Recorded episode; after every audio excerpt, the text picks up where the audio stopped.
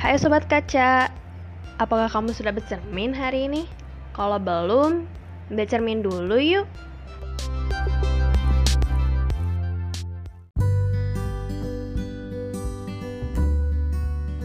Ngomong-ngomong tentang cermin nih, kalian ingat gak sih alat optik yang pakai pengaplikasian cermin? Ya, bener banget, kamera. Kamera itu keren ya, bisa motret jarak jauh, mengabadikan momen-momen indah kita.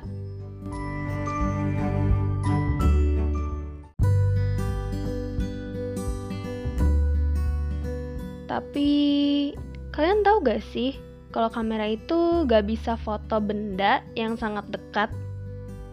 Coba deh, misal nih ada fotografer. Eh, nggak usah fotografer deh, kalian aja mau ngambil foto kupu-kupu Pas lagi nyari objek kupu-kupu yang bagus, gak nemu. Eh, tanpa sadar, kalau dari tadi itu ada kupu-kupu yang indah banget hinggap di atas kamera kalian, atau pundak kalian, atau kepala kalian. Dan pas kalian sadar, kalian tetap gak bisa ambil fotonya itu. Bahkan si kupu-kupu itu langsung pergi.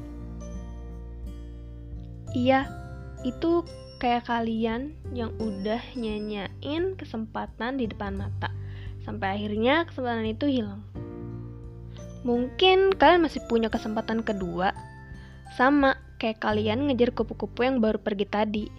Tapi itu gak akan mudah, guys. Atau analogi ini cocok buat kalian-kalian yang gak peka gak peka kalau ada orang-orang yang peduli sama kalian di sekeliling kita.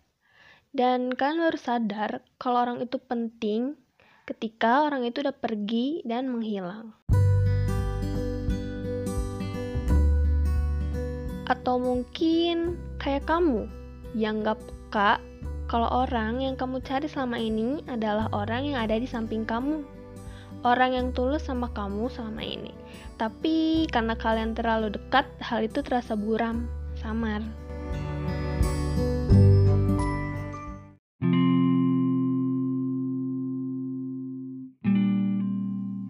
Pesan dari aku, hmm, jangan kayak kamera ya, yang gak peka sama orang di sekelilingnya, yang gak peka kalau ada orang yang sayang sama dia, dan yang terakhir, orang yang nyanyain kesempatan yang ada di depan matanya.